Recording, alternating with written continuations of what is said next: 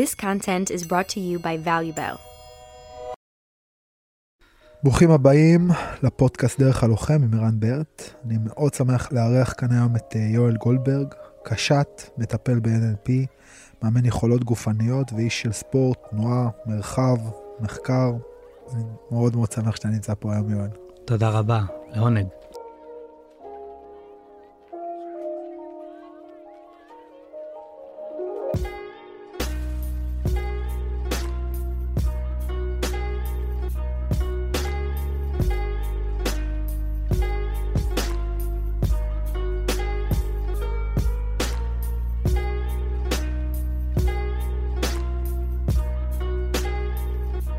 בוא בוא תספר כאילו לחבר'ה שאתה נראה לי פחות אה, ככה מרושת בתוך, ה, בתוך הסצנה. בוא תספר קצת אה, מה, מה, מה המקורות שלך אולי, איך אתה מגיע, מאיפה אתה מגיע. בעצם אה, הנגיעה הראשונה שלי לתחום אומנויות הלחימה היה בגיל צעיר, קראטה, כמו כולם, שנה או שנתיים. משם התגלגלתי דווקא לדניס הישרדות. היה לנו בזמנו בקיבוץ, בשדות ים הביאו לנו שני אחים שלימדו אותנו קראטה, אני חושב קראו להם אדם ויואל, מזכיר לי את אח שלי, ואותו, אבל יואל אני זוכר בטוח. לא איזה חוויה מדהימה. משם המשכתי לקרב מגע, למדתי מכיתה ט' עד אמצע י"א כזה תחת אה, חיים זוט, שגם כן היה אצלנו בקיבוץ. היה אחת התקופות המעניינות, ואז קצת נגעתי בנינג'יצו, ובעצם הצלילה האמיתית שלי לתוך אומנויות הלחימה הייתה אחרי הצבא.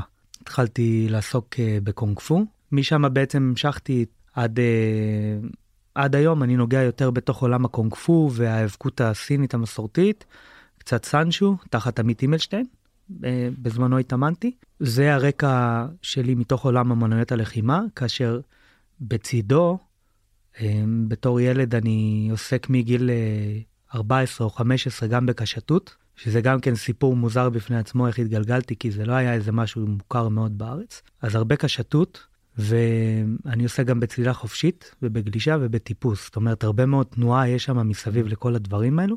במשך הרבה מאוד שנים צלילה וקשתות היו המיין, היו האסנס המאוד מאוד חזק שלי. בעצם לקשתות, לתוך תחום הקשתות, התגלגלתי במקרה לחלוטין.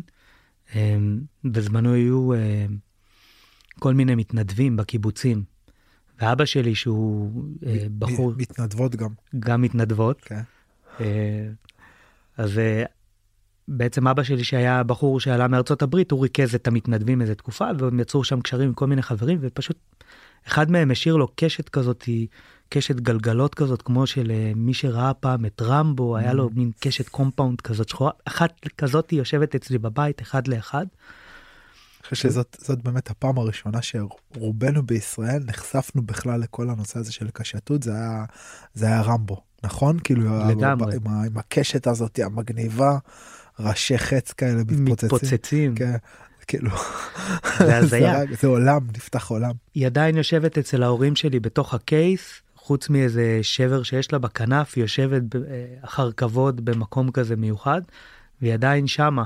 ובאמת חוץ מהדמות האיקונית של רובין הוד, אני לא הכרתי שום דבר שנגע לקשתות. ובאמת, זאת אומרת, התחום הזה, אה, פשוט לקחתי אותה וניסיתי, לא הבנתי בכלל מה אני עושה. היה לי מושג, אח שלי ירה לפניי והוא גדול ממני בשבע שנים והוא הנחה אותי, בכלל יריתי עם קשת הפוכה. אני שמאלי, יריתי עם קשת ימנית. אבל לאט לאט התחלתי לקרוא בכל מיני מדריכים ו- פעם היו פרוספקטים כאלו שהיית מקבל מארצות הברית כאלו משנות ה-70 עם איך מרכיבים מטרות ו... והתחלתי לעיין ובעצם זאת הייתה הקשת הראשונה שלי שנגעתי בה. ואיפשהו באזור אה, גיל 18 הגיע מתנדב נוסף מדרום אפריקה שמסתבר שהוא היה אלוף עולם בקומפאונד והוא אמר לי קח קח את הקשת שלי אני לא רוצה אותה. אמרתי לו למה והוא סיפר לי שהכריחו אותו בתור ילד לעסוק בזה והוא פשוט הגיע למצב שהוא היה ממש טוב אבל הוא פשוט לא יכול לסבול את זה כבר.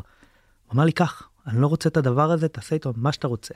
וגם היא אחר כבוד תלויה אצלי ואיתה ירדתי יריתי בעצם זאת הייתה הקשת השנייה שהייתה לי.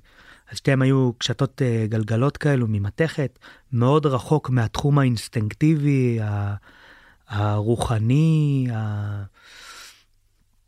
אלא הרבה יותר ספורטיבי וקר ומחושב ומדויק קשת compound כזאת פחות או יותר עובד צלפים לכל דבר ועניין. Okay. אוקיי, אז אולי, אולי באמת בשביל ש, שנתחיל ככה אה, לעשות לנו סדר במושגים, כי בעצם אנחנו נכנסים פה לעולם שלרובנו, נגיד לי עד לפני לא הרבה זמן, לא היה מושג בכלל. אז בוא, בוא תסביר בעצם, כשאתה אה, אה, עושה את דריכת הרגל הראשונה שלך בעולם הקשתות, מה, מה יש שם בעצם? אז בעצם אה, הקשתות מתחלקת כיום לשני תחומים עיקריים. יש את התחום הספורטיבי, זה ספורט אולימפי לכל דבר, שהוא תחום מדעי לחלוטין, ספורטיבי, קשת, ש... קשת אולימפית היא קשת שנקראת ריקרב, קשת שהכנפיים שלה יש להם מין ניקול, והיא קשת שנעזרת בכוונות ובמייצבים, הכל הכל הכל כדי שכל ירייה תהיה מדויקת הכי שאפשר לאותו מרחק, מאותו מרחק לאותה נקודה. מנופים, גלגלות, בעצם כל מיני מעצימי כוח מסוגים שונים, אחת, הנדסים כאילו. בדיוק, החלק השני שהוא לא ספורט אולימפי זה ה compound שהיא גם כן קשת עם מנופים וגלגלות והעברות כוח מאוד מתוחכמת, זה טכנולוגיה מתקדמת ברמות עם סגסוגות ומתכות ו...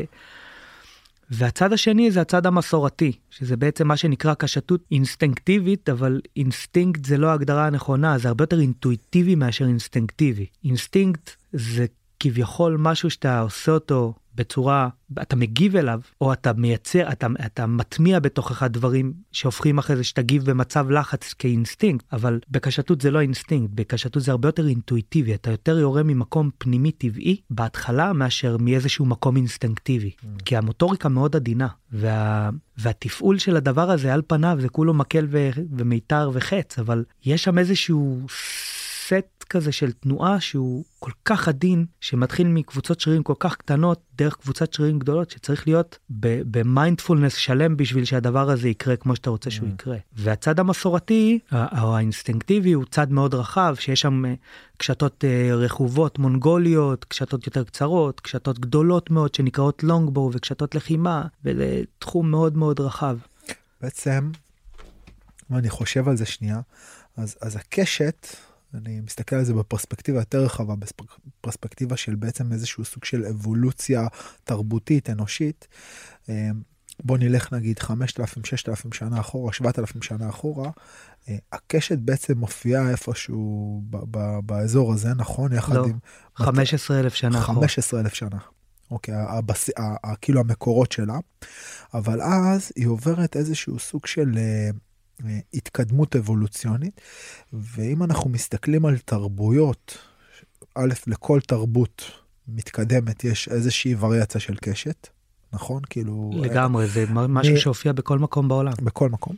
וככל שהתרבות ידעה לעשות אה, איזשהו סוג של אה, אינטגרציה של הקשת, אינטגרציה טכנולוגית של הקשת לתוך שיטת הלחימה שלה, לתוך המתווה, לתוך התרבות, לתוך התוואי שטח, בעצם ההתקדמות הטכנולוגית הזאת הפכה אה, שבטים למדינות ומדינות למעצמות. אם אתה מסתכל למשל על המונגולים ועל הקשת המונגולית או על הלונגבואו של האנגלים, כאילו יש, יש ממש מעצמות שבעצם התבססו על ההתפתחות הטכנולוגית של הקשת, ממש כמו שנגיד אנחנו מתבססים היום על כטב"מים או על אה, F-35, זה היה כאילו ה-F-35 של לפני 3,000-4,000 שנה.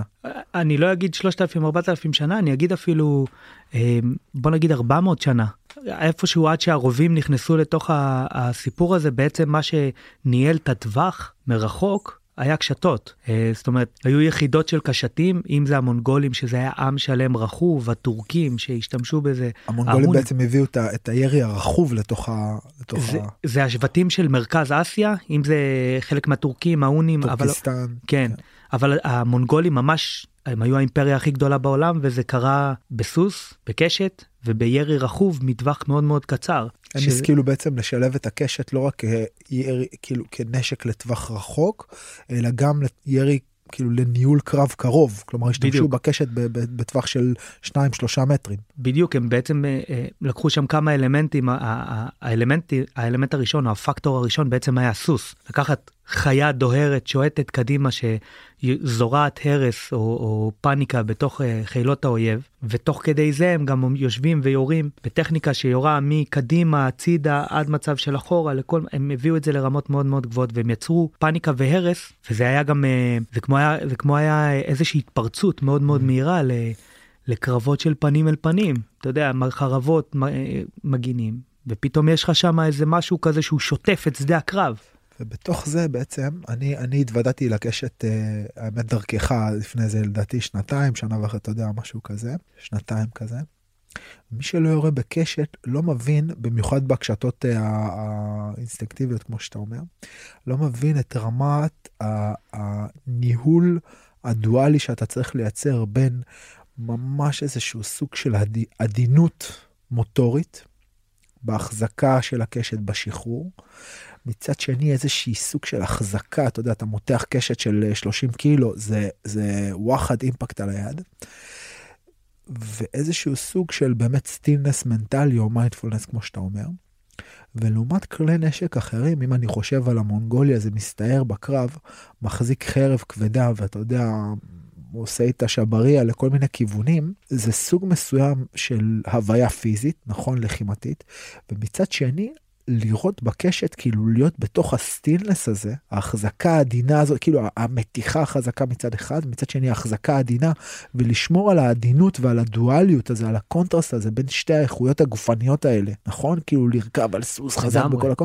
כאילו קשה מאוד להסביר את זה למישהו מבחוץ כאילו ו- ו- ואיך הדואליות הזאת מצליחה להתקיים בתוך מרחב לחימתי זה זה זה, זה לדעתי למה אתה יודע כשמסתכלים על היפנים עושים את ה... את הירי שלהם, את, את הירי הזני הזה בחץ וקשת, ורואים איך מסורות של חץ וקשת השתמרו לאורך השנים, כאילו, אני חושב שזה חלק מהסיבה. א', זה חלק מהסיבה, ב', אני חושב שקשה גם להבין, אם אני, אם אני צריך לקחת אה, איזשהו משהו שמקביל לו, באומנויות לחימה, אז באומנויות הלחימה הסיניות יש משהו שנקרא, יש מושג שנקרא פאלי ו fajin. fajin זה, פאלי זה, זה האלמנט הגברי מאוד, הפאלי, ו fajin זה האלמנט הרך, הפנימי. ו, ויש יש מתוך רכות מייצרים המון המון כוח. עכשיו בכלל, קשת, אם אתה מסתכל על כל תהליך היצירה שלה והבנייה שלה, זה תהליך כל כך עדין וכל כך מורכב, שכל כך הרבה דברים יכולים להתפספס בדרך, מצד שני אתה מייצר כלי מלחמה, כלי מלחמה קטלני ברמות הגבוהות שלו, ו- ואותו אלמנט של, אה, של רכות. זה, זה ממש השילוב המושלם, אתה אומר את זה עכשיו וזה ממש כאילו, זה ממש השילוב המושלם בין, תחשוב על החוט, על המיתר, משהו שהוא גמיש, מכיל, מתגמש כאילו, אתה יודע, נמתח לאחור, והחץ כאילו הקשיח הפאלי, ובאמת השילוב המושלם בין, ה, בין הקשיח לבין הרך, בין הגברי לבין הנשי, שמייצר באספקט הלחימתי, עוד פעם, אה, בתוך הטכנולוגיה הקדומה, את שיא הטכנולוגיה בעצם. זה היה שיא הטכנולוגיה, עכשיו זה מדהים לחשוב על זה. אם אתה לוקח את זה לפעם, אחד הדברים הנוספים שעשו עם קשת היה להדליק אש. זאת אומרת, mm. אם אנחנו לוקחים את זה, אם זה היה כלי מלחמה וכלי ציד, אלמנט נוסף שהיה בפנים זה היה היכולת, אתה יודע, היית, כן, שם מקל ומלפף את זה ומדליק ומצית עם זה אש, זה, זה כאילו הרבה מאוד דברים שנוגעים סביב אותו דבר. וזה, אני, אני, אני זה מרתק אותי הנושא הזה, הוא כל כך מרתק אותי כי, כי כמו שאמרת, כשאני נמצא ב state מסוים, אני יורה במצב מסוים, אני כל הזמן גם כן בדואליות הזאת, אני כל הזמן מאוד ממוקד לגבי המטרה שלי, אני מגדיר מה המטרה שלי, אני צריך לאמוד טווח, אני צריך לאמוד זווית, אני צריך לאמוד מרחק, אני צריך להקפיד שהטכניקה שלי עקבית ונכונה, ומצד שני אני צריך להיות אינטואיטיבי מאוד וקשוב להאם הירייה הזאת הולכת לקרות כמו שאני רוצה או לא. ואם לא, אני מרגיש משהו בבפנים, משהו בתשומת לב שלי לא נכון לגבי המתיחה, משהו בתשומת לב שלי לא, לא נכון לגבי ההחזקה, זה, אני יודע שהחץ לא יגיע לשם. עכשיו, כשאני המצב, מדבר... המצב הגופני והמנטלי שלך, עוד פעם, אם אנחנו מסתכלים על זה שנייה, לא יודע אם לקרוא לזה ברמה פילוסופית או גופנית אה, יותר הוליסטית, ההחזקה שלך בעצם במיתר, יש קשר ישיר בין החיבוריות של הגוף שלך ומשם אם אנחנו הולכים יותר עמוק למצב המנטלי והרגשי שלך וההשפעה שלו על המצב הפיזי שלך שעובר ישירות לתוך המיתר ועובר ישירות לתוך הקשת ועובר ישירות לתוך החץ ובעצם זה הופכת להיות מערכת אחת שיש בה איזה שהם יחסים. זה תקשורת מלאה. זאת אומרת אם אין לי תקשורת עם הקשת אם אין לי תקשורת עם זה אין פה את האלמנט האנושי. זאת אומרת, זה לא כמו שאני נכנס למזרון, עולה למזרון, ואני עושה אה, איזשהו drill עם אה, בן אדם נוסף, או עם בן זוג, או עם פרטנר. התקשורת שלי עם, עם כלי שהוא extension של הגוף שלי. Mm. החץ הוא בעצם איזשהו extension של ה mind שלי, אבל הקשת היא extension של הגוף. זאת אומרת, אם אני לא מנהל איזושהי תקשורת, אם אני לא קשוב עם הדבר הזה, זה כמו סכין. אם אין לך נוכחות מלאה. כן, אתה עושה נזק. דברים קורים. את... כן. כן. ו- ו- ואם אתה חושב על סכין, קשת וסכין זה שני הכלי נשק היחידים ששרדו את כל הזמן הזה בעצם, משחר ההיסטוריה עד לפה, חרב הגיע יותר מאוחר, חניתות וזה, אבל זה שני כלי הנשק הראשונים, והם עדיין פה, סכין הרבה יותר שימושי, אף אחד לא מסתובב עם קשת, אבל, אבל בתרבויות באירופה לצורך העניין, ובארצות הברית זה עדיין כלי נשק שצדים איתו, זה עדיין כלי נשק שאנשים מנהלים סביבו אורח חיים. משמרים את המסורת, כן. כלומר גם לכל אזור יש את הקשת שלו. ו... כן, מאוד. אתה יודע מה, בקונטקסט הזה מעניין לש... להבין איפה, איפה הקשת הארץ ישראלית, היהודית, בוא נגיד, יש דבר כזה? לפי דעתי אני א' אה, אני חושב שאייל נוימן היה mm. מעניין לשמוע mm, את, נכון, את דעתו אבל נכון. גם היה לי איזה איזושהי התכתבות איתו בזמנו איזה פוסט אבל אני כמעט משוכנע שהיה קשתות. אני לא יודע מאיזה עצים. קשתות בטוח. השאלה אם יש איזה משהו שיודעים להגיד זאת הקשת הארץ ישראלית. בטוח היה קשת מצרית, הייתה קשת אשורית. אז, אז אני, אני נוטה לחשוב שהיה הרבה מאוד give and take שמה.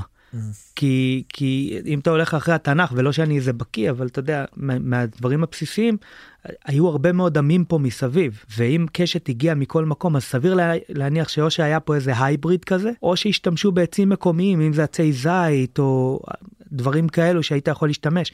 הבעיה שזה חומרים אורגניים שמתפוררים אז אתה לא באמת אין לך שום אין לך אינדיקציה לדעת אלא אם כן זה תבליטים ובעצם אין היום מישהו בארץ שאתה יכול להגיד, או בעולם, שהוא הוא, הוא משמר את מסורת הקשתות היהודית, כאילו. לא שאני יודע על זה. זה ממש לא. זה, זה, זה ממש עצוב, כאילו, לא? אתה, אתה אומר, היינו פה, זה הרס התרבות בעצם, אתה יודע, יש פה, יושב פה עם שהוא כאילו אלפי שנים באזור, באזור שבו נוצרה... ובעצם אין לנו שום זכר לדבר הזה. לא שאני יודע עליו, אני, אני להפך אנחנו עם שמבחינת מסורות מאוד אוהב לשתות מסורות של מקומות אחרים. אנחנו יש לנו את היכולת להמציא הרבה מאוד דברים אבל יש לנו גם את היכולת לקחת. להשתמש במה שעובד. כן אומנויות לחימה זה האינדיקציה הכי טובה להסתכל על זה זאת אומרת כל המזרח נמצא אצלנו פה על המזרן יצרנו ממנו את הקרב מגע ו- ודברים שיהודיים לנו אבל הכל מגיע מבחוץ ו- וככה גם הקשתות הקשת שאני יורה איתה היא בכלל קשת גרמנית הסגנון שאני יורה הוא סגנון שלא אני פיתחתי הוא, הוא כן כי יש לי את התביעת עין וגוף הייחודית שלי אבל אבל אני לוקח ידע שמגיע מבחוץ הוא אקסטרנל לחלוטין רק עכשיו בחמש שנים האחרונות קשתות אינסטינקטיבית התחילה לתפוס איזושהי תאוצה בארץ וזה. מה, מה באמת המספרים של האנשים שעוסקים בזה בארץ? עשרות. עשרות. עשר, בקשתות אינסטינקטיבית מה שתחת האיגוד עשרות אבל אני יכול להגיד לך שאחד הדברים המעניינים שקורים זה שאם uh, יש את הדיון הבלתי נגמר הזה באומנויות לחימה על מה יותר טוב מסורת וספורט או ספורט ומסורת זה דיון שעכשיו עולה כי בעצם יש גם במרחב של הקשתות. כן והוא דיון נורא מרתק כי בעצם מצד אחד יש את הקשתות הספורטיבית ש... שהם עומדים על הקו והם יורים 70 מטר והם תחרותיים ויש להם מטרה אחת טארגט שוטינג ומצד שני האינסטינקטיביים שהם יורים ומתאמנים בעצם כמו ציידים על פי חוקה של קיל שזה כאילו שני חיצים לקיל זון של אה, תלת מימד חיה כזאת שמטרה שנראית כמו חיה ובעצם יש כזה מין זה מין ריקוד גישוש ראשון כזה הם לא יודעים איך לאכול את זה. בכלל בעולם זה מין משהו כזה שהוא מאוד מעניין. הדיאלוג בין uh, פונקציונליות כאילו כן לבין איזה משהו שהוא לשם התחרות או בדיוק. לפי מוגדר לפי איזה של חוקים איגוד בעצם ביכולת שלך לייצר סטנדרט, סטנדרטיזציה. לגמרי ועם זאת כל הידע הגדול, המורים הגדולים לקשתות אינסטינקטיבית זה חבר'ה שהיו מתחרים. כמו שבאומנויות לחימה הרבה מה... היכולת לעשות את אותו דבר ולבנות וליצור רצפים ופורמס ולהבין את הדבר הזה לאשורו ולקיול של חצים וכל זה, זה מגיע מתוך הספורט. כן. זה מגיע מתוך חברות שמייצרות את זה לספורט ו, ומייצרות נישות לאינסטינקטיבי. הידע הגדול מגיע מתוך הספורט ואי אפשר לקחת את זה. אבל ה, ה, המהות האסנס. כאילו, נמצא זה, זה, נמצא זה, כאילו לוקחים את זה לאינסטינקטיב. זה, זה עוד שלב בעצם באבולוציה עוד פעם כמו שאתה רואה את זה נגיד המון בלחימה זה שבהתחלה כ, כ, כמישהו שנמצא בתחילת, בתחילת הדרך, או באיזשהו שלב התחלתי יותר של הדרך, ה crave שם הוא crave להישגיות, הוא crave ל... ל, ל אתה יודע, לכבוש, להתקדם, לפרוץ, להגיע, להגיע לאנשהו. ואז בעצם כשאתה מגיע, אתה מגלה שההגעה למקום היא, היא בעצם לא, לא משנה שום דבר בתוכך. ו- ואז זה, זה פורץ לך עוד נתיב. ועוד פעם רואים את זה באמנות לחימה, רואים את זה בעוד המון, המון מקומות, ואז בעצם ה- ה- המסע הופך להיות פנימי. ואז אתה מחפש איך הכלי יכול לשרת אותך במסע שהוא שונה, ואז אנשים עושים את האדפטציות שלהם ואת ההתאמות שלהם. ובעצם גם אתה עשית איזשהו סוג של אדפטציה שם. לגמרי, אני חושב שאחת מנקודות המפנה הגדולות שלי והמעניינות והמעניינות שלי היו דווקא עכשיו בקורונה. זאת אומרת, אני חושב שמה שקרה לי היה שעשיתי איזשהו back to basis. אני עוסק, אני עוסק בהרבה מאוד תחומים. אני, אני אני נע סביב הרבה מאוד תחומים של עשייה, אבל בסופו של דבר מה שהחזיר אותי חזרה לעצמי, כאילו אם אני, אם אני עושה זום אאוט רגע, אז הקורונה היא טרפה את הקלפים לכולם, כולנו הפכנו להיות ג'וקרים. Mm. כל אחד יכול לעשות מה שהוא רוצה כביכול, כי, כי הרבה דברים נטרפו. ולי מה שזה עשה, זה אסף אותי חזרה פנימה, ואמר לי, אוקיי, איפה ה center שלי נמצא? איפה, איפה הנשימה שלי נמצאת? איפה הדברים הטובים שלי נמצאים? ומה שקרה היה שחזרתי לדברים שעשו לי טוב בתור ילד, ושעשו לי טוב בתקופות הקשות שלי. ו... וזה לא שהזנחתי אותם, פשוט העצמתי את השימוש בהם, וממש ראיתי את השינוי, ממש ראיתי איך הנשימה שלי נפתחת, איך ה mind שלי נרגע במובן מסוים, איך אני מתפקס, וזה קשה, אני בן אדם שאוהב לעשות הרבה דברים, קשה להתפקס, אז mm. זה ממש אוסף אותי פנימה. ושם המקום הזה, כשאתה נוגע בנשימה לצורך העניין של קשתות, מתחיל שם איזשהו תהליך פנימי כזה מאוד מאוד מאוד מיוחד שמסתנכרן גם עם העשייה. עם הפרקטיקה עצמה. גם עם הפרקטיקה עצמה וגם עם, אתה יודע, אם אני לוקח את זה לחיים, איפה אני שם את עצמי. לא... אז, אז אולי כאילו, אתה יודע, השיחה ככה הולכת אה, באופן טבעי לאיזה מקום שהוא באמת אה, איזושהי אינטגרציה בין אה, גוף נפש כזה, נכון? ו... ובמקום הזה גם ההיכרות שלי איתך וגם דברים שדיברנו עליהם די, הרבה, אז, אז יש את המקום הזה של האיכות התרפויטית, בעצם של הפרקטיקה, ואיך היא פוגשת אותנו, ואולי אה, מהסיפור האישי שלך ובהתעסקות שלך והפיתוח בעצם שלך לתוך הדבר הזה, תן אולי כמה מילים בעצם על, ה, על, ה, על, האיכות, על, ה, על הפרקטיקה הזאת כפרקטיקה שהיא גם תרפויטית. אה, אז אני אתחיל מההתחלה. בעצם אני עברתי סרטן בגיל מאוד צעיר, ב- לא, לא צעיר, זאת אומרת אה, בגיל 21, וכמה שנים לפני כן קיבלתי מכת חום מאוד קשה בכיבוש לצנחנים. אז היה שם איזשהו חמש שנים כאלו שהם היו מאוד מאוד קריטיות. א', כי היה שבר מאוד גדול, פיזי, וב', כי, כי הייתי צריך להתחיל לעשות איזשהו תהליך של ריפוי. השבר הפיזי אתה מתכוון נגיד המכת חום הזאת שבעצם טרפה את הקלפים. היא טרפה את הקלפים, היא השאירה שבר גופני מסוים ש, שהוא מחלים מהר, אבל גם השבר הפנימי שלא רואים אותו, אתה יודע. אמ, אז כן, אז כאילו, אז כאילו איזשהו סוג של טראומה גופנית שבסופו של דבר אתה מתאושש ממנה אחרי שבוע, אבל היא משאירה איזשהו פצע בעצם ביכולת שלך כן. לסמוך על הגוף שלך. לגמרי. או בעצם להגיד זה, זה כלי שאני יכול לסמוך עליו, ופתאום אתה אומר רק שנייה, הדבר הזה שכל החיים שלי אני פה בלחימה, מתגבר על מכשולים, עובר פה מהמורות, ופתאום יש איזשהו חוסר ביטחון ב... ב בכלי הזה. זה, זה, בעיניי זה היה סוג של הלם קרב גם. ברמה אה, כזאת זאת אומרת כן. כי כי לקח לי הרבה מאוד זמן להתאושש גופנית מהדבר הזה הייתי ארבעה חודשים על כיסא גלגלים לא יכלתי ללכת וואו. הייתי איבדתי 14 קילו של שריר מהדבר הזה יש פה איזושהי צלקת חוסר אמון בגוף בן אדם שעושה תנועה זה מה שהוא יודע כל הביטוי שלו בתנועה נעלם אין את זה אתה לומד ללכת מאפס. ו... זה ו... ממש שבר בהגדרה העצמית. לגמרי, זה ברמת הזהות. ברמת האמונה וברמת הזהות זה הכי עמוק שיש. טוב, אני, אני חושב על זה הרבה, על איך אה, דיברתי על זה אה, לא מזמן עם, אה, עם, עם דני נצר, גם על מה, על, ה, על ה setting הזה שגורם לאנשים, לילדים להיות או לאנשים בכלל להיות מקצוענים או אלופים במקום מסוים. ואז יש, יש איזשהו ואקום, ולתוך הוואקום הזה אתה יוצק את עצמך ואתה הופך להיות טוב במשהו, והמשהו הזה מתחיל להגדיר אותך חזרה. כאילו אתה מגדיר את עצמך באמצעות המשהו הזה. אני ערן, אני עושה אומנויות לחימה, אני מתאמן בקונג פו, אני... ואני טוב בזה, וזה מקרין עליי, וזה נותן לי ביטחון, זה כמו איזשהו, העמדה שלי בעולם, ואז פתאום אתה מגיע לאיזה משהו, והעמדה הזאת, כאילו הכלי הזה, באמת יש בו איזשהו, איזשהו שבר. מתוך השבר דברים מתחילים לנזול אחורה, החוצה, ואז אתה צריך להגדיר את זה מחדש, או להגדיר את הכלי מחדש. לגמרי. זה, זה משבר. זה משבר מאוד עמוק, אני חושב שהוא גם, אתה יודע, אם אני מסתכל על זה, אני חושב שה- שהוא הוא מהות החברה הישראלית, השבר הפנימי הזה מהצבא, או, או ההלם הזה שיש מהצבא, מההתנגשות עם התרבות והכל, ו, וגם אם זה משהו שהוא אה, פוסט-טראומטי, או... אני חוויתי את הפוסט-טראומה שלי הזאת מנקודה אחרת, אמנם לא ממגע עם האויב או משהו, אבל, אבל עדיין במפגש הזה, אבל בדיוק. היה שם איזה משהו מאוד מאוד קשה, שהוא גם הוביל אותי בדרך מאוד מאוד ירודה. ולפגוש את הסרטן ארבע שנים אחרי או חמש שנים אחרי, הכריח אותי לעשות איזשהו שינוי חשיבתי, כי אמרתי, אוקיי, הלכתי בדרך מסוימת, הגוף שלי החלים, אבל הנפש וה mind יורדים, עדיין היה. שם פצע. כן. שלא, שבעצם לא, שלא, שלא לא טיפלת בו. כלומר, א', לא טיפלת בו. טיפלתי, ב', ב', נתתי לו לגדול. כן. הרחבתי אותו והרחבתי אותו והרחבתי אותו, האזנתי אותו, נתתי לו מזון. Mm. ו-. ולקבל בשורה כמו סרטן בעצם אילץ אותי לקבל החלטות בגיל מסוימות. 21 זה, זה כן. גיל צעיר. מאוד צעיר, ו- ו- אבל ההחלטות מצד שני היו מאוד בוגרות. איזה, איזה סרטן אם אפשר אה, לשאול? היה לי לוקמיה שנקראת APL, שזה אה, בעצם סרטן בדם, במח העצם ובכל הדם, וזה בעצם חזרתי מטיול בחו"ל, ויום אחרי זה נכנסתי לבית חולים. נכנסתי למהלך של טיפולים, של שנתיים טיפולים. מה היה לך איזה תסמינים? התסמין הכי ברור שהיה לי, הוא היה פיזי לחלוטין.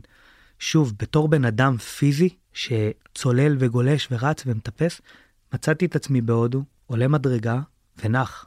עולה מדרגה ונח, מתנשף, עולה מדרגה ונח, ואומר, מה קורה פה כאילו? זה אני, למה אני לא מטפס? למה אני נח אחרי שלוש מדרגות? וזה, ו, ואז הכתה בי ההכרה שמשהו לא בסדר, זאת אומרת גופנית, זה ממש לא בסדר. ו, וחזרתי הביתה ובעצם התחלתי את התהליך הזה של הריפוי, ש, שבתוך התהליך הזה קרו שני דברים. א', זרקתי את עצמי לתוך עולם אומנויות הלחימה, חזרה, כי הוא בנה, הוא, הוא עזר לי לאבד דברים ולפרק דברים ולהוציא כעסים, וב', חזרתי לקשת, שנתנה לי איזשהו מר, מרחב פנימי כזה לנשום, מרחב פנימי להתבונן בדברים, מרחב פנימי פשוט ליהנות ולהיות עם עצמי ו, ועם הלבד שלי להתחיל לשים לב לדיאלוגים, למה קורה שם בפנים. בפרשנות שלי אני שומע אותך, וכאילו אני, אני נותן לזה שתי, אה, כאילו, ש, שני, שתי מסגרות. כאילו, ההתעסקות בתוך אומנויות לחימה היא איזשהו סוג של אה, ונטילציה. כאילו, יש שם אסיר, אסיר לחץ, אתה יודע, בכל הדבר הזה, בעצם בעומס המנטלי הזה והפיזי שיש בהתמודדות עם מחלה מהסוג הזה. יש הרבה תוצרי לוואי שהם בעצם תוצרי לוואי רגשיים, אבל שהם צריכים להיפרק בצורה פיזית. לחלוטין. ואז אתה אומר, אוקיי, הלחימה בעצם אפשרה לי לפרוק את זה. שעוד פעם, אני פוגש את זה נגיד המון עם תלמידים או אנשים שמגיעים אליי, וזה לא משנה אם זה הייטקיסט או עורך דין, או סתם, אתה יודע, מישהו עכשיו שבעצם עובר איזושהי תמורה רגשית, והוא מרגיש שהוא צריך לפרוק. כאילו, הביטוי הזה, אני, חי... אני צריך לפרוק. כאילו, זה כמו איזה קבל כזה של אני צריך לפרוק. אז זה אחד. ומצד שני, המסגרת המנטלית של הקשת היא בעצם שומרת את הפורקן, אה, גורמת לך, גורמת לך לא להתפרק. כאילו, לפרוק, אבל בצורה מאוד ממוקדת. אתה משחרר את החץ, אבל בשביל לשחרר את החץ נכון, אתה חייב להיות אסוף. לחלוטין. מאוד. זה, זה מעניין השילוב הזה בין שתי, ה- בין שתי האיכויות האלה. זה שוב, זה שוב, אם אני מסתכל על זה, זה שוב פלי ופג'ין, זה שוב כן. ה- ה- האיכויות האלו, כי, כי כמו שנאמר פה, זה, הייתה את המק, היה את המקום לסובלימציה, הייתה פה סובלימציה לכעס, לאל, לאלימות, היכולת להתחכך עם אנשים, עם, עם כאב, מניפולציות, עם, אתה יודע, להיכנס למזרון ולתת את מה שיש לך. ו... לפרוק את האלימות הזאת כן. הפנימית, אבל במסגרת שבעצם מייצרת איזשהו, מעטפת מאוד כן. מאוד בריאה. כן, טיול בריא לדבר הזה. בדיוק. אתה יודע, אמ, זה, זה משהו שהוא הוא, הוא כל כך בריא, שאי אפשר להתעלם ממנו, Mm. מה, אתה מרגיש- מהמקום הזה. אתה מרגיש את האפקט הזה מיידית בעצם, בטח, אתה יוצא מאימון, אתה רטוב, אתה מזיע, ואתה ואתה חי. אתה בטוב. כן, גם, גם המערכת הסימפתטית במצב כזה של מחלה אה, אוטואימונית, היא כל הזמן על ה- על ה-red zone, היא כל הזמן ב- ב full. אתה במצב הישרדותי. אתה לא מכיר משהו אחר, ה mind שלך הוא, אני נלחם לחיות. על חיי. זאת אומרת, וזה לא אה, ריצת ספרינט, זה מרתון. זה מרתון של שנתיים, שלוש, ו- ואני אעיד על עצמי שהמנטלי היה לי הרבה יותר קשה מהפיזי. זאת אומרת, המנטלי ליווה אותי אחרי המחלה הזאת שנים, כמעט שבע או שמונה שנים אחרי. הפיזי, ועדיין, אתה כל הזמן מחפש את המקום הזה של השקט, לחזור אליו, ואין, כי, כי אתה לא יכול כרגע, וזה בסדר. ומצד שני, אני הולך לקשת, ואתה, ואתה מתנקה גם, כן, ואני נהנה, ואני נרגע, ואני נושם, ואני אה, עושה משהו שהוא הוא, הוא חזרה ל source שלי, והוא הוא משלים לי את, ה, את האגרסיביות על המזרון, והוא עדין, והוא אה, משקיט אותי, בעצם זה איזשהו סוג של מדיטציה תנועתית לחלוטין, תנועתית. לגמרי. שיש לה אקט פיזי, כלומר האקט של השחרור של הקשת, אבל, אבל בתוך האקט הזה, כאילו זה בעצם peaks של, של נוכחות מלאה. בדיוק. היא, היא, אתה, אתה יוצא ממנה ונכנס אליה, אתה יוצא ממנה ונכנס אליה, שאני אני, אני לא יודע להשוות, אבל זה, זה מרגיש לי אחר מלשבת במדיטציה לאורך זמן. כי אני, אם, אם במדיטציה שאני יושב ונושם, אני שוקע לאט לאט לתוך המצב הזה, וגם אם יש לי גירויים חיצוניים, וגם אם יש לי הפרעות, וגם אם כואב לי בגוף, אני לאט לאט נותן לעצמי לשקוע, אני מתרגל. ופה אין לי זמן להתרגל, זאת אומרת, נכנסתי בכל כולי פנימה לכמה שניות האלו, יצאתי חזרה, אני מסתכל על הסביבה, אני עם הסביבה. אני חושב שכאילו בהגדרה שלי, עוד פעם, המסע שלי וה, והאינטרפטציה שלי, לא כמומחה לקשתות, אבל, אבל כאילו איך שאני רואה את זה, נגיד זה משהו שאני עובד איתו עם הילדים שלי, ואני מרגיש שמדיטציה היא כמו איזשהו entry point, איזשהו אה, דלת כניסה לא, לא, לעולם התופעות או לעולם העבודה המנטלי והמדיטטיבי ל, ל, לאנשים עם אה, הפרעות קשב וריכוז. זה כאילו, זה ברור. מאפשר לך לגעת באיכות הזו מבלי לטבוע בתוך התסכול שעבודה מדיטטיבית כאילו יכולה לפעמים לייצר. ברור. אני גם אגיד לך יותר, שאם אנחנו מסתכלים, אם אנחנו מדברים על תנועה, מהפריזמה של תנועה, אנחנו כל החיים שלנו בלמידה לזוז, איך לנוע, איך לקפוץ יותר טוב, איך לרוץ יותר טוב, איך ל...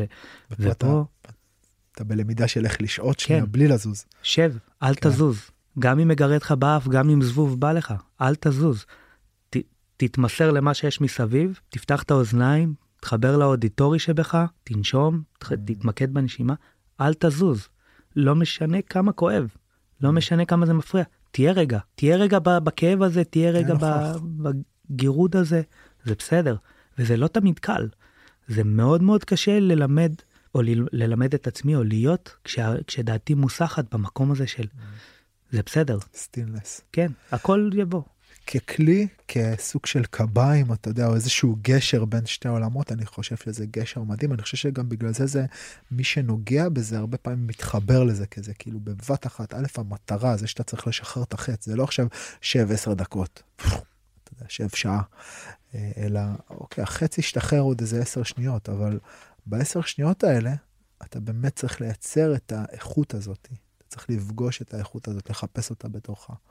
אתה, אתה הגדרת את זה יפה, אתה מצמצם הרבה מאוד תהליכים מנטליים וגופניים ל, לרצף תנועתי, זה קאטה, סוג של קאטה, אבל הקאטה כן. הזאת הזאת את- היא כמו, היא, יש לה אספקט מאוד מנטלי בהתחלה, מאוד מובהק, ואספקט מאוד טכני ופיזי בסוף. והשלב המנטלי הוא יותר חשוב מה, מהשלב הפיזי, כי אם אני לא אהיה שם, אני לא אגיע לאן שאני רוצה להגיע. אני אירע, אני אעשה, אני גם אני צריך לעשות את זה טכנית נכון, על זה אין ספק, אבל אני למשל מתחיל בקודם כל להרגיש את עצמי, בלראות אם אני מקורקע, איך הגוף שלי, אם אני משוחרר בכתפיים, לאן העיניים שלי מסתכלות, העיניים מובילות תנועה, בכל דבר שאני עושה, העיניים שלי מובילות תנועה. זה לא משנה אם אני אה, משנה פוזיציה לאיזושהי אה, מניפולציה או בריח בג'יו-ג'יצו, זה לא משנה אם אני עושה strike, זה לא משנה אם אני נכנס לאיזושהי הטלה, זה לא משנה אם אני צולל, זה לא משנה אם אני יורה בקשת, או שאני מטפס ואני מחפש אחיזה לרגל, אני מניע את עצמי עם מבט, או זריקה לסל עם כדורסל לצורך העניין. העיניים מובילות מבט, ואני חייב להבין שהעיניים שלי רואות את היעד, הן יודעות לאן אני מתכוון ללכת. יש אנשים שיורים עם עיניים עצומות? יש קשתים שיורים עם עיניים עצובות. זה אחלה תרגול, אבל הוא לא יביא אותך רחוק מבחינת יכולת, הוא, כי, כי בסופו של דבר, גם הקשת הטוב ביותר בעולם בעיניים עצומות לא יפגע במטרה. הוא ישפר, הוא יהיה יותר מודע טכנית, כן, הוא ישפר אספקטים אחרים של uh, תפיסה פריפריאלית, של מיינדפולנס uh, uh, או איזושהי uh, הרגשה. ובסופו של דבר, כדי להביא את החץ למטרה, אתה צריך עם עיניים פתוחות. כן.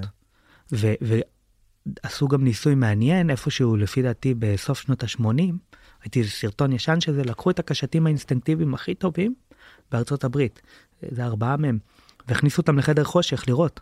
ומה שהם אה, כאילו אחת התובנות הגדולות שלהם הייתה שזה נכון שאני רואה את, ה, את, ה, את ה center של המטרה את האמצע אבל בלי ה peripheral vision שלי בלי הראייה הפריפריאלית שנותנת לי.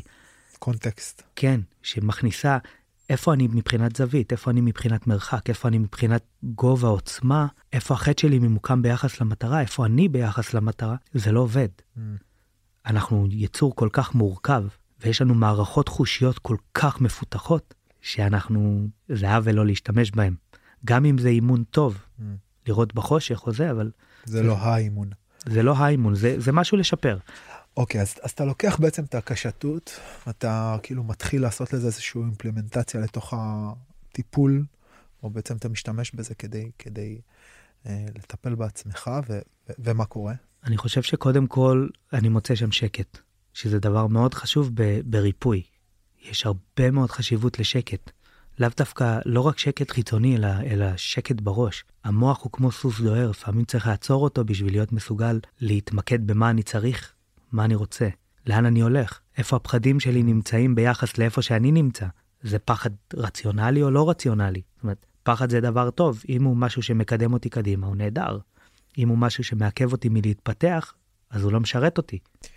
אני חושב שאני... אני, אני, אני ברשותך, אני, אני כאילו אתן איזה הגיג על, על מה שאמרת עכשיו. אני חושב שפחד הוא, הוא, הוא נוכחות בחיים שלנו. הנוכחות הזאת יש לה יכולת לנהל אותנו. לפעמים גם אם היא מביאה אותנו קדימה, זה, זה, זה לא, כאילו, זה לא המקום שאליו אנחנו צריכים להגיע, מתוך ההיעזרות בפחד. כלומר, פחד הוא, פחד הוא, הוא, הוא נוכחות שצריכה לשמור עלינו במצבים מסוימים, והיא חשובה, הנוכחות שלו היא חשובה. אני חושב שהבעיות מתחילות ממקום של א', הדחקה של הפחד הזה, כי הפחד הוא כל כך נוכח שאתה לא יכול בעצם להכיל אותו, ואז אתה מדחיק אותו, או עושה איתו דברים אחרים, או חוסר מודעות לפחד. כלומר שהפחד מנהל אותך ואתה עושה דברים מתוך הפחד בלי שאתה יודע שאתה עושה אותם.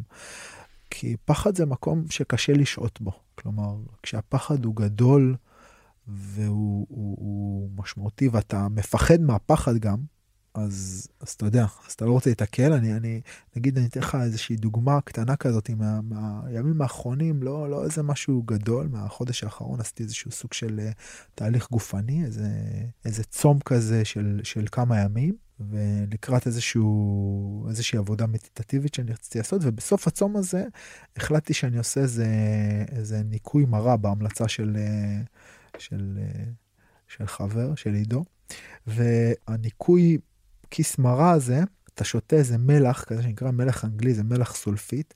עכשיו, אתה שותה את הדבר הזה, אני לא הייתי מוכן לזה, אתה, אתה אחרי ארבעה ימים של, של צום כאילו, צום מיץ כזה, אתה שותה איזה מיץ. אחרי ארבעה ימים כבר אין לך שום דבר בבטן, אתה שותה את המלח הזה, את המלח סולפית, זה מלח כאילו, זה כאילו מגרד לך את הקיבה, עכשיו כבר אין לך שום דבר בקיבה, והטעם של זה הוא כל כך נוראי. אתה שותה את זה, ואיך שאתה שותה את זה, הגוף שלך אוטומטית ננעל, אתה מקבל איזה, איזה עווית כזה, והגוף שלך מגיב לזה, כאילו הקיבה שלך מגיבה לזה, זה פשוט מרוקן לך הכל, זה כאילו סוחט לך את הכיס מרה. ואתה צריך לעשות את זה, אה, אה, אתה עושה את זה כאילו אחרי ארבעה ימים, אתה עושה את זה בשש בערב, ואז עוד פעם כאילו בשמונה בערב, ואז עוד פעם בחמש או שש בבוקר, ואז עוד פעם בשמונה בבוקר, בסדר? עכשיו, עשית את זה בשש בערב, ובשמונה בערב אתה כל הלילה כאילו רץ לזה.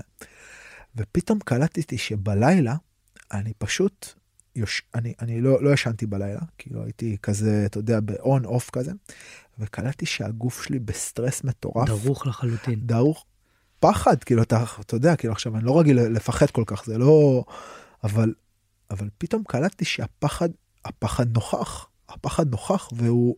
כל הזמן שם. והוא... הוא, הוא, זה איכות מסוימת כאילו ואני אני פוחד מהשש בבוקר הזה לקחת את המנה הבאה כי אני מבין מה זה הולך לעשות לי זה היה מאוד מעניין לחוש לחוש להיות נוכח לתחושה הגופנית של פחד זה לא תחושה שאתה רוצה.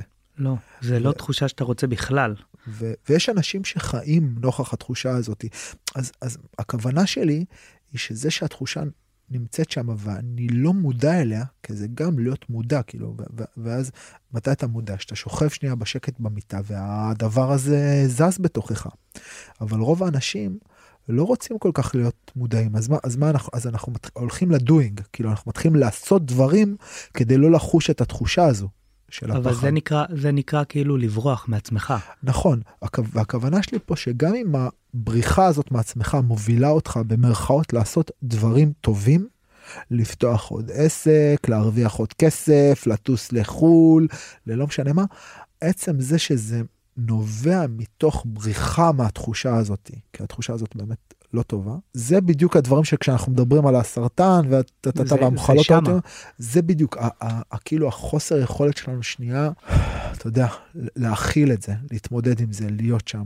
אתה יודע, אני שומע את מה שאתה אומר, ו- ואני, מהמקום שלי כיום, שאני מלווה גם uh, חולי סרטן, פחד הוא פקטור מאוד גדול mm. ברוב הדברים. זאת אומרת, אתה יודע מה, אנחנו עוסקים בגוף, אני אתן את זה בדוגמה הכי בסיסית. הגוף שלנו כל הזמן בתקשורת איתנו. אומר לנו דברים. הוא כל הזמן אומר לנו דברים. הוא אומר לי, אכלת את המזון הזה? לא שתית מספיק? כן שתית מספיק? אתה צריך לנוח? אתה לא צריך לנוח? ו- ואני, בגלל שאני עוסק בתחום התנועה, אני רואה יותר ויותר אנשים ש... הדוגמה הכי קלאסית, אנש... אנשים תפס להם הגוף, זה מכניס אותם לסטרס. עכשיו, אני יכול לפחד מזה, ואני יכול להגיד, רגע, רגע, רגע, בוא רגע, אתה צריך להתחיל לקחת את עצמך בידיים. זאת אומרת, לא כל מה שהגוף שלי משדר לי, גם אם הוא ברמת הכאב, ככה הגוף מדבר איתי, הגוף מדבר איתי בלחצים, בטמפרטורה, בכאב. הכאב הוא כאב, הפרשנות שלנו לכאב כן. היא ה... היא, היא מה ש... והרבה פעמים אני מסתכל על זה מתוך פחד. יואו, אני בסדר, אני בריא, אני לא בריא, ולא הכל זה שם, כאב, לא הכל זה בבריא. כאב, כאב זה מפחיד. זה מפחיד, אבל זה לא אומר שזה לא צורת תקשורת. Mm. אנחנו בוחרים להסתכל על זה מתוך, מתוך המשקפת הזאת של, של פחד, אבל אני יכול להסתכל על זה ולהגיד, רגע, יש פה מקום לגדול ממנו. לגמרי, אני כל כך מסכים איתך, מבחינתי כאב ופחד היום, הם הם מרחב העבודה. הכאב והפחד הם מרחב העבודה שבו אתה... בכל החברה שלנו הם מרחב העבודה. הם מרחב העבודה. כי כמו שאמרת, הם אלו שיגדירו אם אתה תפתח עוד עסק, אם אתה לא תפתח עסק, אם אתה תהיה מסוגל לעשות משהו או לא לעשות משהו, אם אתה תיגש לאנשים, אם אתה תתפתח חברתית, לא תתפתח חברתית, תייצר כישורים, זה הכל נובע ממקום של פחד. ו... אני כשאני חושב על זה, אני חושב על זה בקונטקסט של עוד פעם, הפחד, החשש, הכאב, הם המקומות שבהם, או, או, או חלק מהמרחבים שבהם, אתה עובד על לשמור על האיכויות שלך בהם. כלומר, זה לא בעיה להיות בחמלה ובנדיבות וביציבות פנימית אה, כשטוב לך ונעים לך. בוא תהיה ב... באותו מקום. באותו מקום כשיש עליך מניפולציה וכואב לך. בוא תהיה באותו מקום כשאתה מפחד, בוא תהיה באותו מקום כשאתה חושש. אז, אז, אז אלה מרחבי העבודה המנטליים. אני לא אומר שאני מכניס את עצמי לשם בכוונה, לא צריך לסבול לשם הסבל, אבל הדברים האלה הם בעצם דברים שהחיים מזמנים לנו. לגמרי. אתה קם בבוקר ואתה הולך לבית חולים ואתה מגלה שאתה חולה סרטן, כאילו. ואם לא פיתחת את הכלי שלך מוקדם... לפני כן. כן, אז עכשיו אתה עם הגב לקיר ואתה יודע, נמר שואג עליך ולך תפתח את זה. אז אני, אני מגדיר את זה, תמיד הקונוטציה שלי לזה היא לים. אתן לך את זה בשתי דוגמאות. נגיד הילדים שלי מגיל מאוד צעיר הם בים. זה האלמנט שבו אנחנו נמצאים, אנחנו על הים, ו, והמשפט שאני משריש בהם כל הזמן זה, מי שרגוע צף, mm. מי שנלחץ, טובע. יפה. ו, ועכשיו, אהבתי. עכשיו אני כל הזמן אומר להם את זה ככה הם לומדים לשחות ככה הם לומדים לצלול ואני אומר להם. אגב, אגב זה קצת קצת נוגד את ה... כשהגלים מתחזקים החזקים מתגלים זה כאילו כי, כי בזה באמירה הזאת יש בה איזה משהו קצת מצ'ואיסטי נכון מאוד. כאילו מאוד, אבל היא נובעת מתוך מאותו, מי ש... מאותו אמירה. כן, היא כן. נובעת מזה שאם אתה רגוע אתה תצוף. Mm. כמו שאם הזרם לוקח אותך החוצה ואתה תילחם בזרם רוב הסיכוי שאתה תטבע. אבל אם אתה תיתן לזרם לקחת אותך הוא מעגלי הוא יוציא אותך במקום אחור החוצה. כן. אמנם רחוק. ואם אתה לוקח את זה לחיים זה מאוד שם אם אתה לוקח את זה למזרון זה מאוד שם אם אתה לוקח את זה לג'יוג'יסו זה מאוד שם. אם אתה רגוע אתה תצוף. אם אתה תלחץ אתה תטבע מתחת לסיטואציה מתחת ל, ל, למה שקורה עכשיו עכשיו סיטואציה היא מצב קיים. אתה יודע זום אין לתוך פוזיציה מסוימת בג'יוג'יצו נקלעת אליה זה מצב קיים. תשחרר. כן, א', תירגע, וזה קשה, אני בתור בן אדם שלא עושה ג'יוג'יטו על בסיס קבוע, אומר שזה כמו לטבוע כל הזמן, אתה מרגיש שאתה טובע. אתה חייב, חייב, חייב, ל- ל- רגע לתת לעצמך לנשום ולהתחיל לחשוב מה אני עושה, למצוא את הכוחות בתוכי לצאת מאותה פוזיציה. ההיפרוונטילציה, הכובד, וזה המשקל, אתה חייב להיות נוכח לפחד, כל הזמן. ומצד שני לעבוד יחד איתו. כן. אוקיי, אז, אז, אז אני לוקח שנייה את, ה, את, את מה שהתחלנו לדבר עליו, כאילו אנחנו מדברים פה דברים יפים ב, ב, ב, ברמה התיאורטית, ו...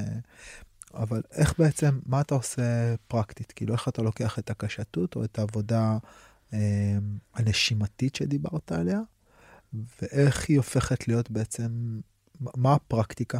איך זה הופך להיות כלי טיפולי לעבודה עם אה, חולי סרטן או אנשים שיש להם בעיות אוטואימוניות? אני חושב שהכל, ש, שזה מתחיל ברמה הראשונה בלשים את הדברים על השולחן. אתה נמצא בסיטואציה מסוימת, אין לך מה לספר לעצמך סיפורים. You hit rock bottom, עכשיו אתה למטה. מה זאת אומרת? תן לי דוגמה, אני מגיע אליך היום, הגעת, מה- הגעת למצב מסוים, בסדר? הגעת, חס וחלילה, כן? יש לך סרטן. עכשיו אתה יכול להתחיל לספר לעצמך מיליון סיפורים. מגיעים אליך, כלומר, אנשים ב- ב- בכל מיני שלבים של המחלה, כן. ואתה יכול לראות בעצם את ההבדל בתגובה שלהם כן. ביחס לשלב של המחלה. בעיניי הדבר הכי חשוב זה, זה השיחה הראשונה שבן אדם ש, שקיבל בשורה כזאת עובר. השיחה הראשונה זה, זה יום אחד זה נגמר הכל טוב. כאילו איפה שאתה תחליט שתהיה סרטן זה ביטוי בסדר זה ביטוי גופני למצב רגשי למזג אוויר מנטלי כל מה שקורה בפנים זה, זה מצב פיזיולוגי מסוים הוא בא לידי ביטוי ואתה רואה את זה יותר ויותר. הרבה פעמים רואים אנשים שעברו כימותרפיה יצאו מזה וזה חוזר. כי פה לא קרה איזשהו תהליך, לא היה ניתוק מהרגש הזה, לא היה איזשהו תהליך עמוק פנימי. עכשיו, אם אני לוקח את זה לקשתות, יש לי אפשרות להתחיל לשנות את הדפוסים. קודם כל, יש שם התמודדות עם אכזבות. לא כל חטא שאני פוגע, אם אני לוקח את זה ברמה הכי טכנית. רציתי לפגוע במטרה, לא פגעתי במטרה, אני יכול להתבאס, אני יכול להתחיל ליילל, ואני יכול להגיד, אוקיי, עוד הפעם, עוד הפעם, עוד הפעם, עוד הפעם. אז בעצם מה שאתה מתאר פה, איזשהו תהליך שב...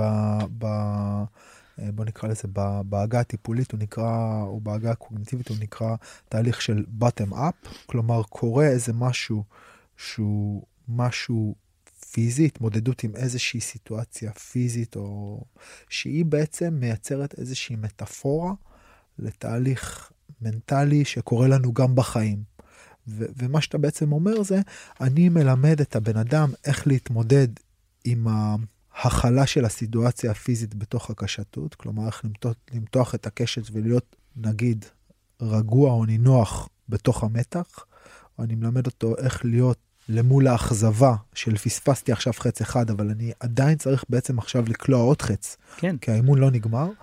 ומהדבר הזה, מהאימון פרקטית איתך שם בחורשה מול המטרות, יש איזושהי הפנמה והשלכה של העבודה הזאתי בשטח לחיים. לתוך החיים. כן, אני אתן לך את זה בדוגמה פשוטה. את, זה, אני, אני, אוהב, אני אוהב לתת את זה לילדים, כי זה מדבר אליהם. נגיד אה, קטע של אה, ילד אומר לאבא שלו, אבא בוא ניסע לעיר. ואבא אומר לו למה? בוא ניסע. אין שם משהו מוגדר, אין שם משהו קונקרטי. אבל אם הוא יודע להגיד לו, אבא, אני רוצה לנסוע לחנות הזאת והזאת, כי אני רוצה לקנות, סתם דוגמה, את המשחק וידאו הזה, יש פה מטרה מוגדרת. יש פה משהו, יש פה ידיעה מה אני רוצה להשיג, איך אני עושה את זה. עכשיו, מיקוד. עכשיו, יש מיקוד. עכשיו, קשתות היא אותו דבר. להגיד לי, בוא נלך לראות בקשת, אני אגיד לך, סבבה, לאן אנחנו יורים? לשמיים. ומצד שני, אני אומר לו, זאת המטרה שלך. שמתי לך איזה ענף קטן, דק. עכשיו אני רוצה שאתה תיקח את היכולות שלך, תתבונן, קודם כל תתבונן, תסתכל. דבר שני, תדמיין. אתה מסוגל להגיע למקום הזה? אתה מאמין בעצמך שאתה מסוגל לפגוע עם החץ? עכשיו תעשה את הדבר הזה טכנית. אם אתה, המוח שלנו, הוא, יש לו יכולות מדהימות. יש לו יכולות לדמיין, יש לו יכולות ליצור מציאות אלטרנטיבית למה שקורה בשטח. עכשיו, אני לא אומר ל- לילד את זה כי, כי הוא לא יבין על מה אני מדבר. הוא גם לא בטוח שצריך שתגיד לו, כאילו לא. עצם הסיטואציה בעצם הוא, הוא צריך למצוא את הכלים האלה בתוכו, בדיוק. בעצם כדי להצליח. בדיוק, הוא צריך להיות מסוגל לעמוד ברגע הזה, ולהיות ברגע הזה בלי הסחות דעת. ואם החץ לא פגע, לא להיות בחץ שעבר, להיות עכשיו בחץ הזה. עוד פעם, להיות נוכח ברגע הזה. לגייס עוד פעם משאבים, להסתכל עוד פעם על המטרה, להגדיר עוד פעם לאן אני רוצה להגיע. ועוד פעם, ועוד פעם, ועוד פעם. יש שם הרבה מאוד אכזבה. לפעמים המטרה כל כך קטנה ואתה אתה, אתה לידה, אתה משפשף אותה, אתה לא בול. ואז אני אומר לו, כן, אבל אם זה היה מטרה של מטר על מטר, אז סביר להניח שהמיקוד שלך היה מתפזר, אבל פה עשיתי לך מטרה קטנה ואתה ממש צמוד אליה, זה ממש ממש מדויק. זה קשה לפגוע במטרה קטנה. זה קשה להיות ממוקד עד כדי כך. תראה כמה משאבים גייסת. תראה איזה יופי. תנשום רגע. אל תמהר. אל, ת, אל תיתן למהירות הזאת ל, ל, להכתיב לך את הקצב. תעצור שנייה. אל תיתן לרצון, או כן. לתשוקה, או לתאווה, או להשתוקקות. בדיוק. תהיה, תהיה נוכח בכל מילימטר תנועתי, בכל מילימטר מחשבתי. עכשיו, יש לנו, יש בעיה. כל פעם מתחילים לאיזה פריים כזה, יש כל פעם איזה פריים. בדיוק. של, של זמן שבו בעצם אתה צריך להתנתק ממה שהיה וממה שיהיה, ולהיות בתוך הרגע הזה. לגמרי, המוח, המוח גם לא מסוגל להתמקד, להתמקד בדברים להמון זמן. זאת אומרת, אם יש לי רצף מאוד גדול של תנועות, או רצף עשייה מאוד גדול, הוא יודע להתמקד בכל תנועה. אם אני אמתח קודם את הקשת, שוב חזרנו לקשת, אם אני אמתח את הקשת ואז יתחיל לכוון, אני בבעיה. אבל אם אני אעמוד ואתן קודם כל להתמקד לעצמי, ואז אני אעריך מרחק, נשתמש במה שהמוח שלי מסוגל לייצר אינ, אה, אינטואיטיבית. המוח שלי הוא הכוונת שלי. הוא מסוגל לאמוד מרחק, עוצמה, זווית, הוא מסוגל לזהות תוואי שטח, הוא מסוגל להתמקד במשהו פריפריאלי מסביב. ואז האם אני מסוגל לדמיין את עצמי ולהאמין בעצמי פוגע בדבר הזה? זה הכל תהליכים מנטליים שקורים עוד לפרי המתיחה של הקשת בכלל. ואז עשיתי את זה כבר, זה כבר בפנים, כבר עשיתי את הסימולציה הזאת. עכשיו אני יכול טכנית להגיע למצב שאני מותח קשת. המוח שלי כבר מקוייל. עכשיו כל מה שנשאר לי לעשות זה טכנית להיות מקוייל עם החשיבה הזאת, גופנית, לעשות את זה נכון. אני אגיע למקום הזה. באומנויות לחימה אתה עושה את זה מאוד מהר, אתה מתזמן את עצמך מאוד מהר. אתה מתזמן מפוזיציה או, מ, או מאיזשהו מכה או מאיזושהי בעיטה, זה קורה בשברירי שנייה. אבל זה אימון, זה אימון, זה אימון, זה אימון, זה אימון. והמטרה שלך זזה. באומנויות לחימה, אם זה ב strike, אם זה בזה, אתה צריך לתפוס רגל, אתה צריך לתפוס יד, אתה צריך לתפוס צוואר ל clinch. פה יש לך מרחב שאתה שוהה בו. בדיוק. בעצם. פה הכל ניתן לך על מגש של כסף, כביכול. מה, מה, מה המקום של נשימה, או של טכניקות אה, נשימתיות בתוך הדבר הזה? בעיניי מאוד חשוב. יש, יש הרבה חשיבות לנשימה, כי הנשימה היא בעצם, קודם כל היא אלמנט מרגיע, היא אלמנט מנקה, היא, היא מורידה את רמת ה... כשאני מציב לעצמי יד, הוא אוטומטית, אם דיברנו על זה, אוטומטית יכול ליצור אצלי פחד או סטרס. אני אצליח, לא אצליח, כן אצליח. ונשימה היא משהו שעושה לי רגע... בוא נתחיל עם זה שנייה. מקרקע את זה. כן, סוג של, אה, אם דיברנו מקודם על ונטילציה, ב, ב, ב, ב, אתה יודע, בשני האספקטים שדיברת עליהם, אמנות לחימה מול קשתות, אז uh, באמנות לחימה יש uh, פורקן גופני, אבל בעצם נשימה היא גם טכניקה מאוד מאוד בסיסית ללעשות ונטילציה, ואפילו uh, מניפולציות בעצם גופניות בעזרת הנשימה. נכון? כלומר, אתה יכול להוריד דופק, אתה יכול לשלוט בדיוק. ברמות, אה, ברמות הורמונים אצלך בדם דרך הנשימה. אצלי, אצלי אותה נשימה בקשתות היא אותה צלילה, היא אותה נשימה בצלילה חופשית. לחלוטין זהה. זאת אומרת, אני לפני שאני יורד לצלול לדייג לצורך העניין, ואני רוצה לשהות על הקרקעית, אני חייב להוריד את רמות הסטרס בגוף. אני צריך א', לה, לה, להכניס חמצן, לא בהיפרוונטילציה, אין לי היפרוונטילציה, אסור לי. אבל אני צריך, אני עושה משהו שנקרא Box breathing. חמש פנימה, חמש החוצה, חמש פנימה. אני מוריד את רמת הסטרס למינימום. אוקיי, אז אם אתה, אם אתה מתחיל לדבר עכשיו על טכניקה, אז באמת באיזה, טכ... באיזה דיסציפלינות אתה משתמש? כלומר, יש, יש דיסציפלינות מסוימות, יש טכניקות מסוימות, יש- יש מחקר מסוים שעשית בנושא? יש המון המון המון סוגי נשימה, המון המון סוגים של נשימה לתוך מדיטציה. אני, זה גם עזר לי ברמה של הריפוי, ואני עושה את זה כבר הרבה מאוד שנים. החמש חמש, יש בו איזה משהו שהוא כאילו, חמש פנימה, חמש החוצה. לי אישית, הוא, הוא מרגיע את הגוף. אני אתן לך דוגמה. היינו, לפני שלושה שבועות היינו בירדן ההררי. כנראה שם תפסתי ליד, שם אה, איזה, ליד אלרום שם. אה, לא ליד אלרום, אזור גדות שם וזה, ו, ותפסתי איזה צינון כזה, מין שפעת, קיץ. במשך כל השבוע היה לי מין כאבים גופניים, כמו רוח קרה כזאת בכל הגוף שזזה מפה לשם, מפה לשם, מפה לשם, מפריע. ואז, אחרי שבוע הגיע חום. פתאום במכה עלה לי החום ל-38, אמרתי, אוקיי, זה הזמן לריפוי, כאילו. עד עכשיו נתתי לזה להיות. נכנסתי למיטה, עשיתי 5-5. תוך חמש דקות, כל הגוף שלי נרגע. ואז אמרתי, הצבתי יד, אמרתי, אני, עכשיו השעה אחת בצהריים, בארבע אחרי צהריים אין לי חום. בארבע אחרי צהריים לא היה לי חום, נעלם החום, נגמר. וזה ממש כאילו אתה מתחיל להתקייל פנימה. אתה מתקפל פנימה, אתה מגיע לאיזשהו מרחב מאוד מאוד רגוע, וגם ה mind מתחיל לעבוד שם, אני אומר לעצמי, אני בריא, אני חזק, אני מאמין בעצמי. בשעה ארבע, הטמפרטורה של הגוף שלי נקייה. עכשיו, זה הזיה, אני אומר לך דברים ואני אומר, מי יאמין לזה? אבל לי זה עובד. Mm. זה, זה אותם דברים שהשתמשתי בהם בסרטן. ואתה, ואתה בעצם, אתה מקשר את זה לעבודה הנשימתית פרסה, כלומר הטכניקה הפיזית, או בעצם לאיזושהי יכולת דרך הנשימה אה, להתכוונן מנטלית או תודעתית. אני חושב שלנשימה יש צעד אחד קדימה, או סליחה, צעד אחד אחורה. עוצמות הריפוי נמצאות רק ב, ב, בגוף האורגני. זאת אומרת, למי שיש את הריפוי זה לא לתרופות, זה לגוף האורגני. התרופות יכולות לסייע לו, אבל, אבל הריפוי בא מתוך היכולת של הגוף לרפא את עצמו. עכשיו, יש, בלי לזלזל ברפואה, יש לה חשיבות אדירה, אבל הגוף עצמו, יש לו יכולות ריפוי מאוד מאוד גבוהות. עכשיו, אני נוכחתי לדעת שאותה נשימה שמשרתת אותי בריפוי, משרתת אותי להירגעות מאוד מאוד עמוקה כשאני יורד לקרקעית. אני מת, מתעסק עם עומק, אני מתעסק עם לחצים, אני מתעסק עם להיות בתוך מרחב כזה שהגוף שלך, הפחמן. דופק, כן, והפחמן מאותת לך תעלה ואתה לומד לשהות במרחב הזה ולהגיד יש לי עוד אוויר, אני בסדר, אני צריך עוד. ובקשתות זה אותו מקום, זה להגיד לי אוקיי, לא למהר. רגע, הגוף רוצה לשחרר את, ה, כן. את המיתר, אבל אתה... הכל רץ, הכל רוצה לרוץ, ולא, אין פה מקום לרוץ. זה אותו קצב, זה אותו זמן, זה אותו sequence, זה אותם צעדים, זה אותה form. אם אני שובר את ה form הזה, אני לא אפגע. זה אותו דבר. זה אותה נשימה, זה אותם חמש פנימה, חמש החוצה. שזה מגיע מאיפה? מה- מה- מהווין אוף שאתה עושה? או לא, זה אחרים? מדהים, כי אני פשוט נתקלתי בזה בכל מקום. נתקלתי בזה בצלילה החופשית, כשעשיתי קורסים של צלילה חופשית. נתקלתי בזה כש, כשהתחלתי להבין בתוך הקשתות את הקצב הטבעי הפנימי שלי שעוזר לי לראות. נתקלתי בזה אה, באומנויות לחימה, ונתקלתי בזה במדיטציה. נכון, באומנויות לחימה זה יותר עצים, אבל אתה לא יכול ללמד בן אדם לנשום. הוא צריך, זה, זה משהו שצריך להתקייל אצלו ביחד עם התנועה.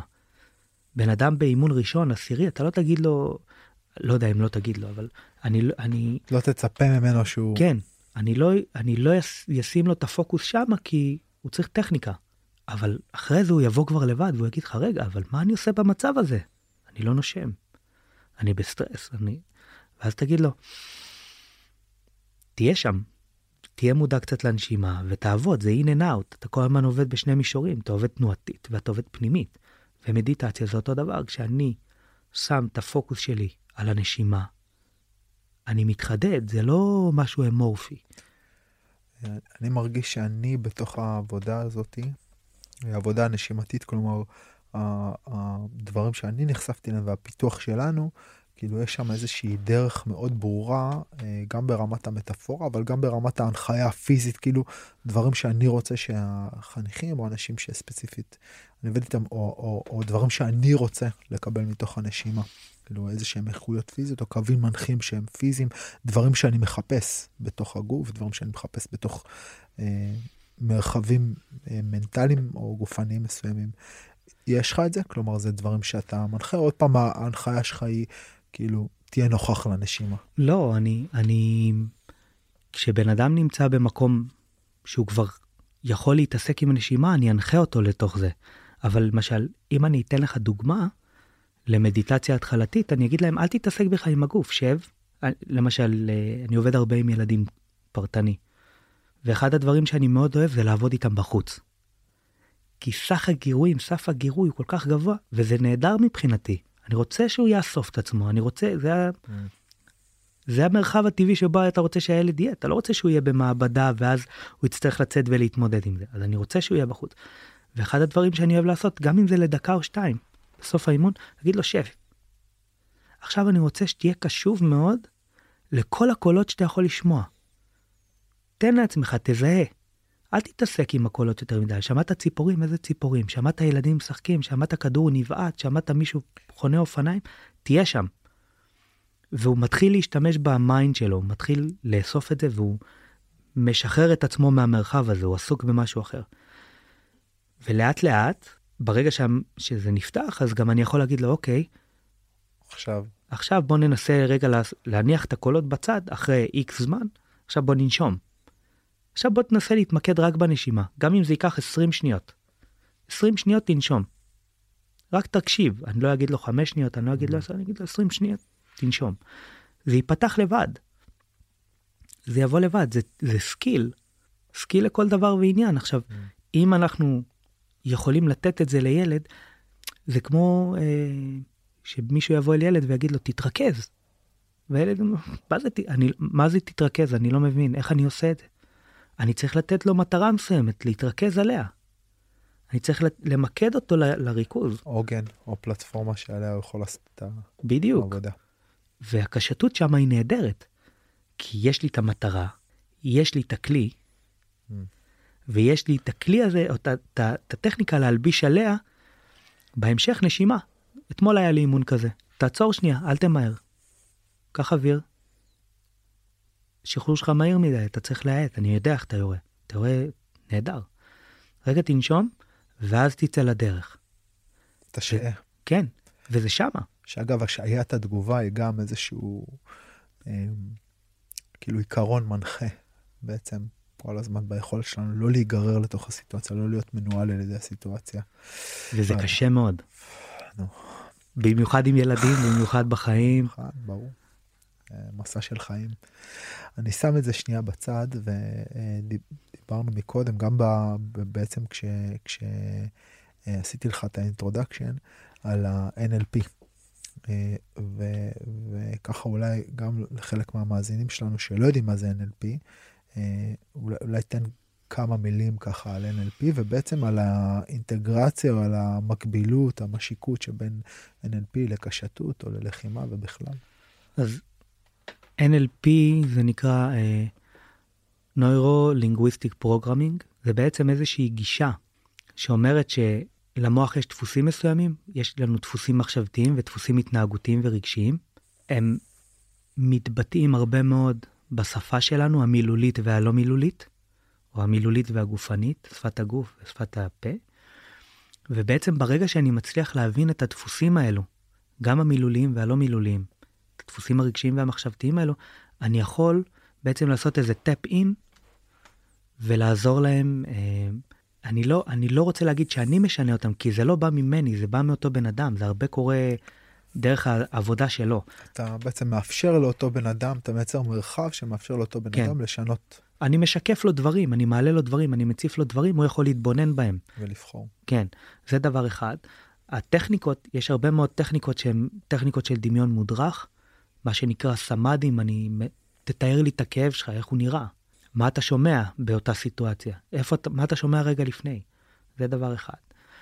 ואם אני לוקח את זה, בתוך ה-NLP יש כמה תכנים שאני מאוד נהנה מהם, ואני חושב שהם מאוד חשובים ליום-יום, שזה משהו שנקרא Outcome, מה התוצאה שאתה רוצה להיות בה, להגיע אליה. Mm. והגישה הזאת של, אה, סליחה, ה-Outcome הוא בעצם, הוא מתלבש בדיוק על, על הקשתות, כי אני, מה המטרה שאליה אני רוצה להגיע. דמיין את המטרה שלך, כן. תראה את המטרה. תראה את המטרה שלך. תראה את החץ בתוך האדום. בדיוק. וזה גם לחיים, כמו בכל דבר. אתה רוצה להקים עסק, מה העסק הזה, איך הוא נראה, מי הלקוחות, לאן אתה הולך, סתם דוגמה, לא שאני יועץ עסקי, אבל סתם כדוגמה. הרבה פעמים שאני מדבר עם אה, מדריכים בקורסי מדריכים שלנו, ובעצם אני מלווה, עושה מנטורינג למדריכים, מאמנים לוחמים בתחילת הדרך, כאילו הרבה פעמים חלק מהעבודה ההתחלתית שלי היא בעצם אה, אה, אה, הגדרת ההר.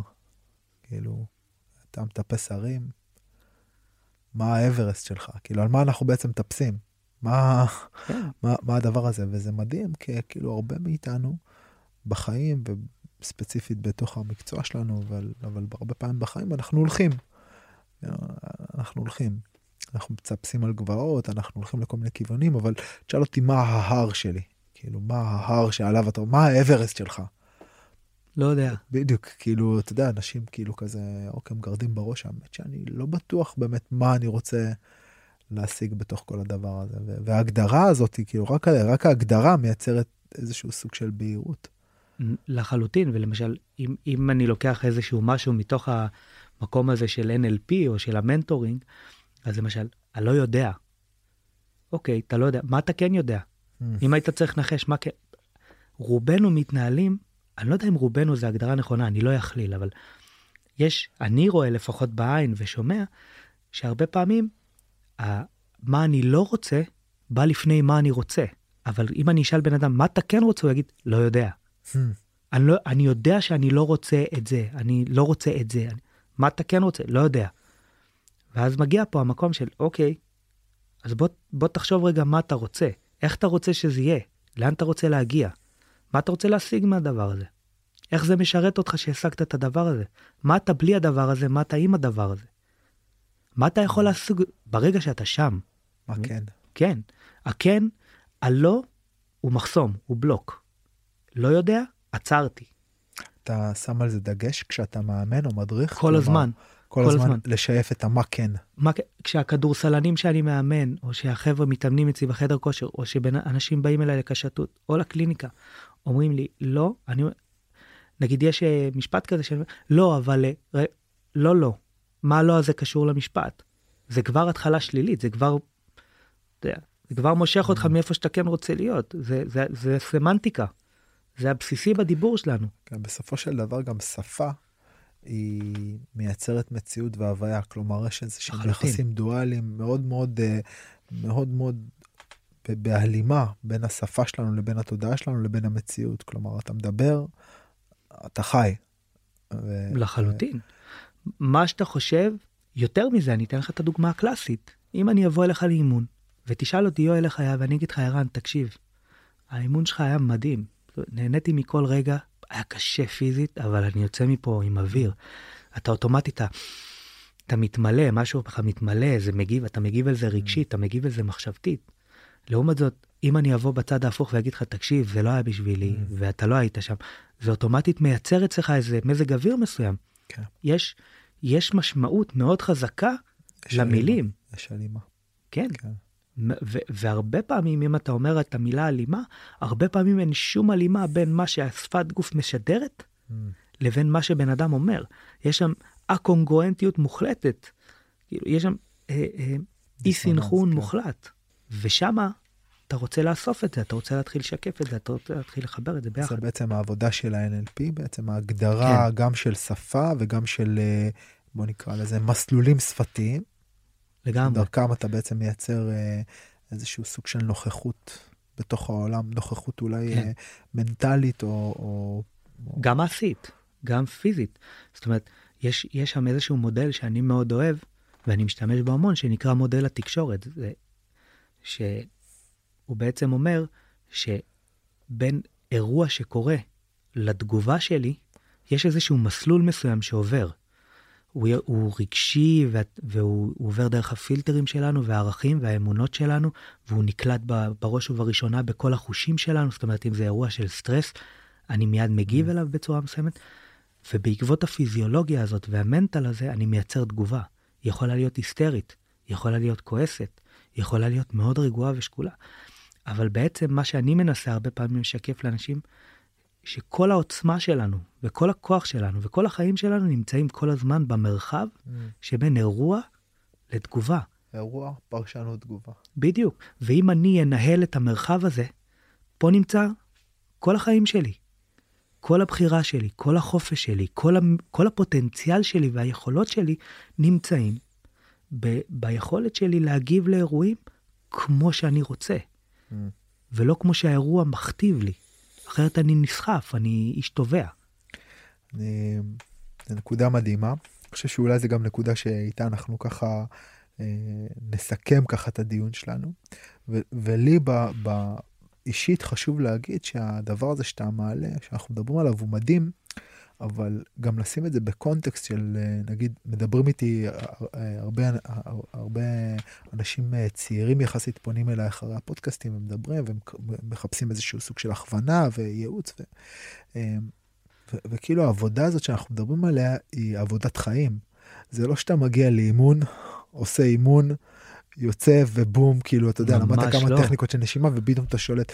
כאילו, זה באמת לשהות במרחב הזה חיים שלמים, וזה גם לא שאני או אתה אה, יוצאים מפה עכשיו, ואתה יודע, ויש פה איזושהי הערה כאילו של...